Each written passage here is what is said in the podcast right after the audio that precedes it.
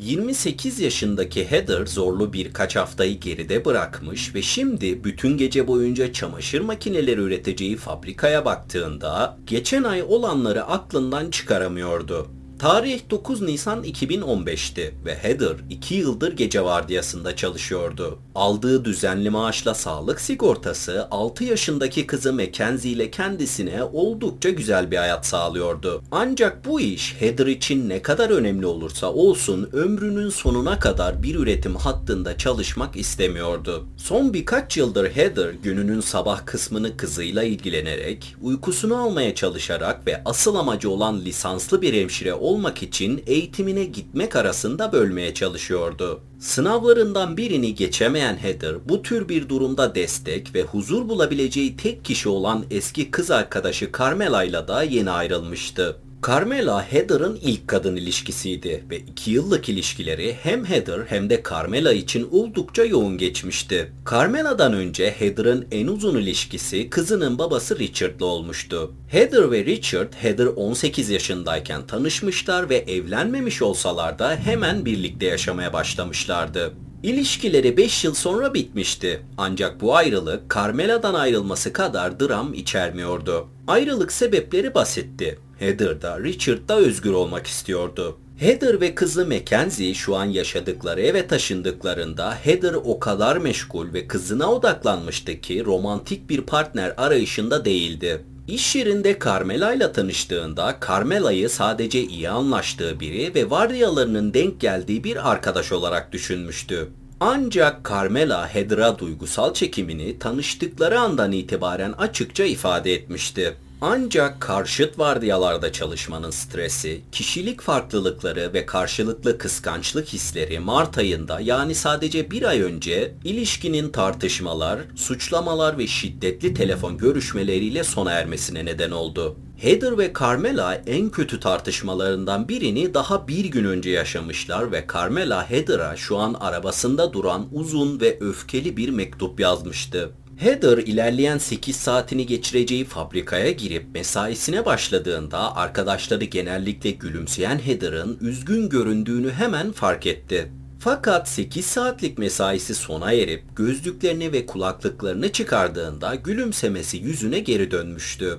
Heather'ın vardiyası bittikten 8,5 saat sonra öğlen 2,5 civarı Heather'ın annesi endişelenmeye başladı. Rene, Heather'a kızı Mackenzie'yi okuldan almayı planlayıp planlamadığını sorduğu bir mesaj daha gönderdi. Heather okuldan sonra her zaman kızını alsa da işteyken gönderdiği önceki mesajlara da cevap vermemişti ve bu Heather'ın pek yaptığı bir şey değildi. Heather'ın mesaj atmasını beklerken Rene bir başka kızı olan Heather'ın kız kardeşi Jen'den bir telefon aldı ve Jen durumu anlatırken dinleyen Rene'nin hissettiği endişe hızlıca korkuya dönüştü.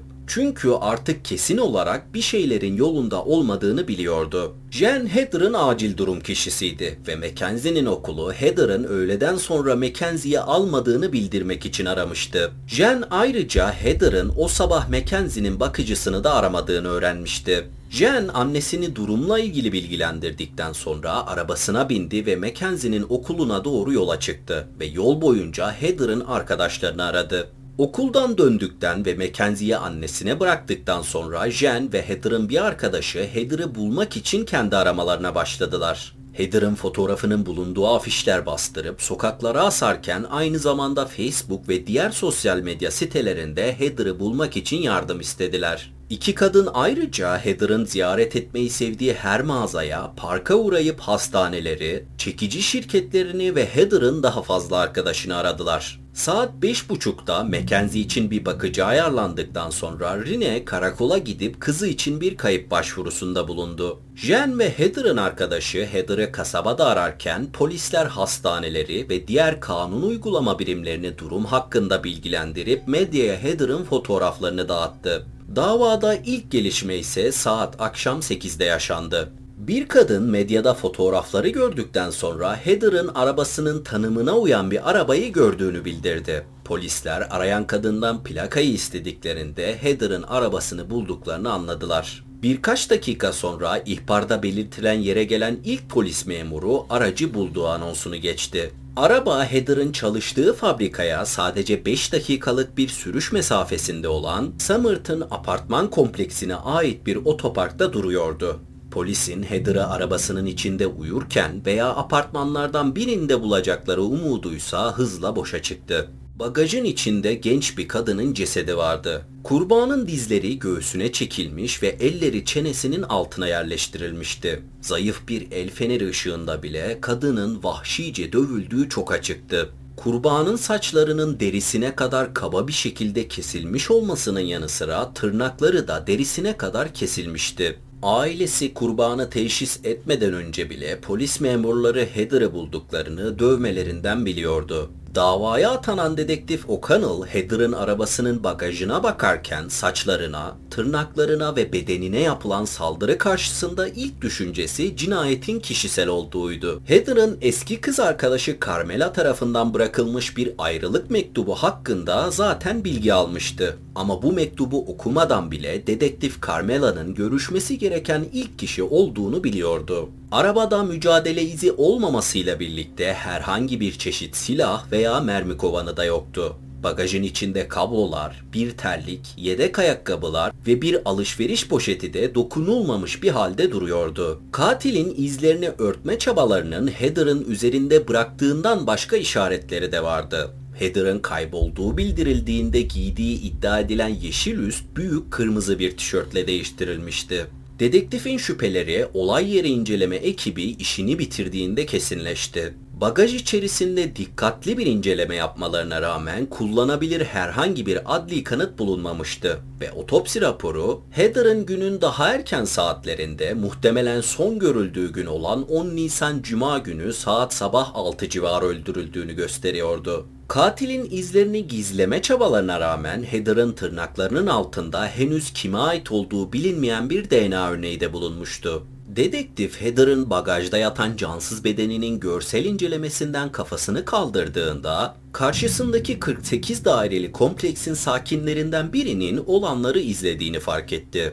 O kişi 24 yaşında iki çocuğunu tek başına büyüten ve şerif departmanının da yakından tanıdığı Kiona'ydı. Dedektif Heather'ın iş yerindeki personelle ayrıca ailesi ve arkadaşlarıyla görüşmeleri için ekibine emirler verirken Kiona içeri girdi. İlerleyen hafta boyunca Heather'ın sevgilisi Carmela, eski sevgilisi ve abisi şüpheli listesinden çıkarıldı. Dedektif Heather'ın cinayetinin uyuşturucuyla ilgili olduğuna ve katilin veya katillerinden birinin olay yerinde kendilerini balkondan izleyen Kiona olduğuna tamamen emindi. Bu teorisinin temeli ise yıllar önce Kiona'nın çocuklarından birinin babası olan Omar'ı uyuşturucu satıcılığından tutuklamış olmasıydı. Bu teoriyi daha da güçlendiren iki şey de Kiona'nın cinayetten önceki günlerde Heather'ın üzerinde bulunan kırmızı tişörtün aynısını giyerken görülmesi ve çocuklarından birinin babası olan Omar'la hala iletişim halinde olmasıydı. Heather'ın öldürülmesinin üzerinden geçen 7 günde polisler Kiona'nın evinde iki ayrı arama gerçekleştirdi. Ayrıca Kiona'nın çalıştığı huzur evine silahlarını çekerek girip Kiona'dan DNA örneği de almışlardı. Diğer ipuçları Kiona'yı işaret etmemesine rağmen dedektif hiçbir tutuklama yapmadan 12 ay boyunca Kiona'ya karşı bir dava dosyası oluşturmak için çabaladı. 2016'nın Eylül ayında Heather'ın cinayetinden 17 ay sonra dedektif O'Connell görevinden istifa etti. Dedektifin bu kararı ana şüphelilerinin sessizliğini bozmasından birkaç ay sonra gerçekleşti. Kiona televizyon programlarına çıkıp Heather'la hiçbir zaman tanışmadığını, kendisiyle hiçbir kişisel bağlantısının olmadığını, DNA örneğini gönüllü olarak verdiğini, yalan makinesi testinden geçtiğini ve buna rağmen dedektifi ırksal profil oluşturmakla suçladı. Bu haberler duyulunca dedektif 3 ay ücretli izne çıkarıldı ve cinayet soruşturması devredildi. Aynı zaman diliminde Kyle Overmeyer, Sandusky şerifi ve dedektif O'Connell'ın patronu opioid bağımlısı olduğunu itiraf etti ve karakoldaki kilitli kutulardan ilaç çaldığı bir davayla yargılanıp hapse atıldı. 2016 Kasım'ında Heather'ın cinayetinden 19 ay sonra Sandusky seçmenleri yeni bir şerif seçti ve Ocak 2017'de Chris Hilton şeriflik ofisine adım atar atmaz ilk hamlesi Heather'ın cinayet soruşturmasına sıfırdan başlayacak yeni bir dedektifi görevlendirmek oldu. Yeni atanan dedektif Heather'ın dosyasının tamamını inceledikten sonra kendisinden önceki dedektifin en olası 3 şüphelisini listesinden çıkardı. Çünkü incelediği dosyalarda da belirtildiği üzere DNA'ları Heather'ın tırnaklarının altında bulunanla eşleşmiyordu ve 3 şüpheliyi de olaya bağlayacak fiziksel bir kanıt bulunmamıştı. Heather'ın eski kız arkadaşı Carmela da şüpheli listesinden çıkarıldıktan sonra dedektif ilk soruşturmada alınan, takip edilmeyen ipuçlarını ve bu ipuçlarına bağlı olarak çıkarılan ama gerçekleştirilmeyen arama ve erişim kararlarını inceledi. Bu kararların arasında Heather'ın telefonundan alınan ve yine telefonunda depolanan Google hizmetlerine bağlı konumu da vardı. Heather'ın telefon kayıtları ise telefonundan en son sinyalin 10 Nisan 2015 sabahı saat 9.20'de geldiğini gösteriyordu. Araştırmacılar Heather'ın cep telefonu kayıtlarını ve verilerini kullanarak saat 6.17 ile 9.20 arasında bulunabileceği alanı daraltmayı başardılar. 26 Mayıs 2017'de Heather'ın cinayetinden yaklaşık 2 yıl sonra dedektif ve ekibi şeriflik departmanından ayrılarak 40 dakikalık bir yolculuk yaptıktan sonra 79 numaralı evin kapısını çaldı. Kapıyı açan ev sahibi soruşturma ekibini gördüğünde şaşırmış olsa da onları içeri davet etti. Soruşturma ekibi neden geldiğini açıkladıktan sonra ev sahibi Heather'la ilgili her soruya memnuniyetle cevap vereceğini söylese de gönüllü olarak DNA örneği vermesini istediklerinde bunu reddetti. Ev sahibi bu isteklerini reddettiğinde dedektif 25 aydır süren soruşturmanın sonunda kapandığından emindi. İlerleyen birkaç günde toplanan kanıtlara, yürütülen soruşturmada öğrenilenlere ve katilin ifadesine göre 10 Nisan 2015 tarihinde yaşananlar şu şekilde. Heather'ın katilinin savunmasız kadınlara karşı özel bir ilgisi vardı ve 9 Nisan gecesi Heather işe mutsuz olduğu belli bir şekilde geldiğinde katil harekete geçip gecenin tamamını genç iş arkadaşını neyin rahatsız ettiğini ve yardımcı olabileceği bir şey olup olmadığını sorarak geçirdi.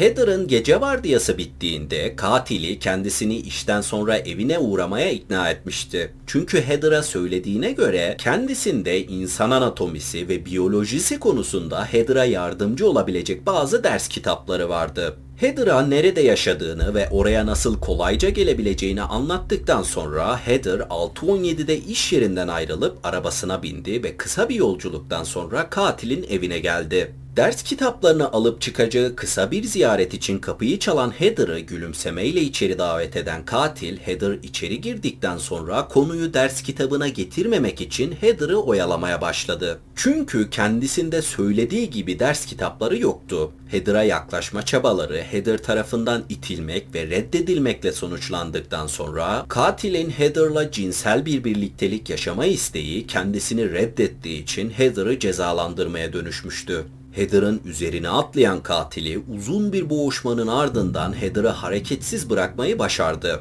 Ancak bu boğuşma katili daha da öfkelendirmişti. Burada anlatamayacağım detaylar içeren saatler süren bir işkencenin ardından katili Heather'ı sırtına iki el ateş edip öldürdü. Heather'ın cansız bedenini arabasının bagajına yerleştirmeden önce Heather'a büyük bir kırmızı tişört giydirdi. Ardından kendisini cinayete bağlayabilecek herhangi bir fiziksel kanıtı yok etme çabası olarak Heather'ın saçlarını ve tırnaklarını derinlemesine kesti. Ancak Heather'ın hayatı için savaşması polislere katilini mahkum etmede yardımcı olmak için kullanılacak olan doku örneğini verdi. Heather'ın arabasını Heather'ın cesediyle birlikte apartman kompleksinin otoparkına bıraktıktan sonra katil beklemeye başladı ve bu süreçte Heather'ın cenazesine katılıp diğer iş arkadaşlarıyla üzüntüsünü paylaştı. Ayrıca Heather'ın vurulup öldürüldüğü yer olan evinin zeminini değiştirdi.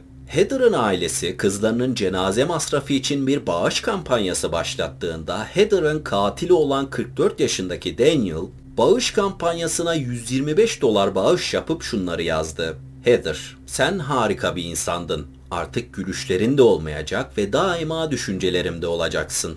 Kızın daima dualarımda olacak. Tanrı seni kutsasın küçük kızcağız. Hasta adam. Dedektif ve ekibini katile getiren ilk şey Heather'ın Google hesaplarına yedeklenmiş olan konumuydu. Daniel DNA örneği vermeyi reddettikten sonra bir arama emriyle geri dönen dedektif ve ekibi aramalarında cinayet silahını, çok sayıda şiddet içeren cinsel içerikli video ve evin değiştirilmiş olan zeminini buldular. Daniel'ın doku örneği Heather'ın tırnaklarının altından alınan örnekle eşleştiğinde ise Daniel tutuklandı. Daniel tutuklandıktan sonra yaklaşık 10 tane kadın kolluk kuvvetlerine giderek Daniel tarafından cinsel saldırıya uğradıklarını söyleyip ifade verdi ve 13 Şubat 2019'da Heather'ın iş arkadaşı Daniel ölüm cezasından kaçınmak için Heather'ın cinayetini itiraf etti. Daniel şartlı tahliye imkanı olmadan ömür boyu hapis cezasına çarptırıldı. Daniel Myers tutuklandıktan birkaç gün sonra Daniel'ın eski kız arkadaşının ölümünü içeren eski bir dava yeniden açıldı. Bu olay Heather'ın cinayetinden 6 yıl önce 2009'da gerçekleşmişti. Daniel polise o dönemde sahibi olduğu evin yatak odasında kız arkadaşını intihar etmiş bir şekilde bulduğunu söyledi. Polisler ölen Lien'in ailesinin ısrarlarına rağmen Daniel'ın ifadesinin üzerine düşmemiş veya ölümünü şüpheli bir olay olarak ele almamıştı. Lien'in ölümüne ilişkin açılan yeni soruşturma, aileye Daniel tarafından sağlanan, kurbanın el yazısıyla yazılmış bir intihar notu ortaya çıkarsa da, Lien'in ailesi kızlarının intihar eğilimi olmadığını ve bu notun da kendisine Daniel tarafından zorla yazdırıldığını söylüyor. Daniel tutuklandıktan yaklaşık bir yıl sonra Heather'ın cinayetini soruşturan ilk dedektif olan Sean O'Connell delil karartma, yerleştirme ve gizliliği ihmal etme suçlarının da aralarında bulunduğu suçlardan 2 yıl hapis cezası aldı. Yani kulağını çekip bıraksaydınız 2 yıl. Vakit ayırıp dinlediğiniz için teşekkür ederim. Aşağıya bırakacağım sosyal medya hesabımdan bana ulaşabilir, hikaye önerebilirsiniz. Kendinize iyi bakmayı ihmal etmeyin. Hoşçakalın.